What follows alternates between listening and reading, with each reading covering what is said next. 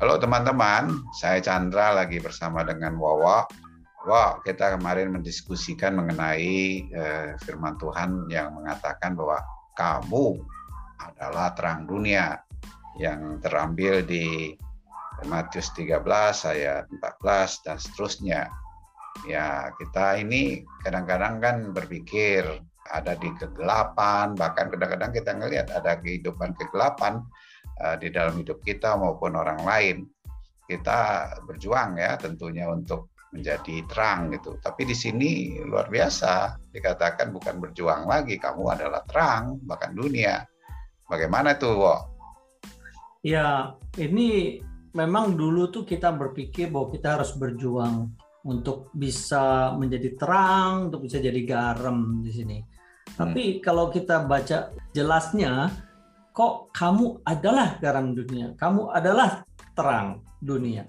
Jadi seolah-olah sudah dibikin terang dan dibikin uh, garam oleh Tuhan sendiri gitu ya.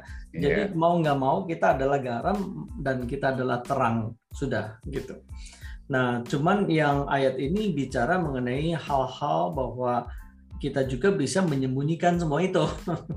Jadi artinya garam itu kita nggak kita menyembunyikan karena memang kita malu atau takut atau karena kita nggak enak sama orang lain yang mungkin bertentangan dengan kita akhirnya kita sembunyikan dengan cara bahwa ah saya sih enggak saya sih uh, biasa-biasa aja.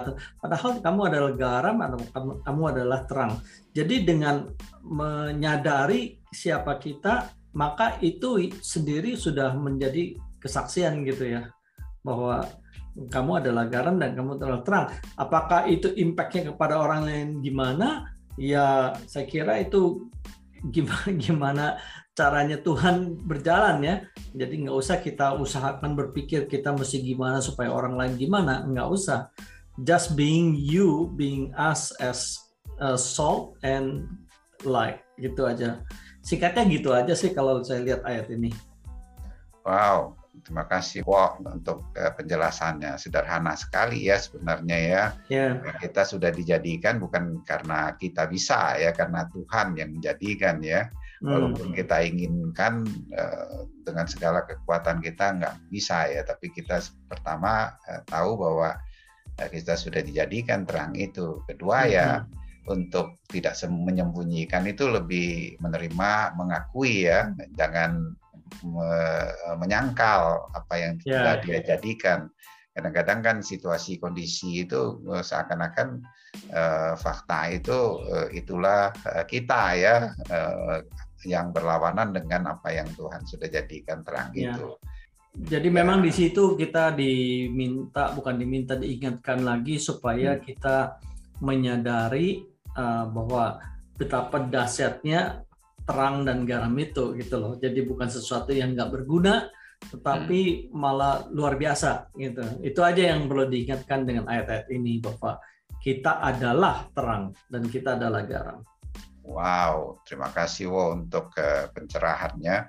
Apa yang Tuhan sudah jadikan dalam hidup kita itu sangat amat luar biasa, jauh daripada apa yang kita pikirkan dan perlu kita lakukan. Tapi percaya saja, sadar akui. Begitu ya, Wo ya.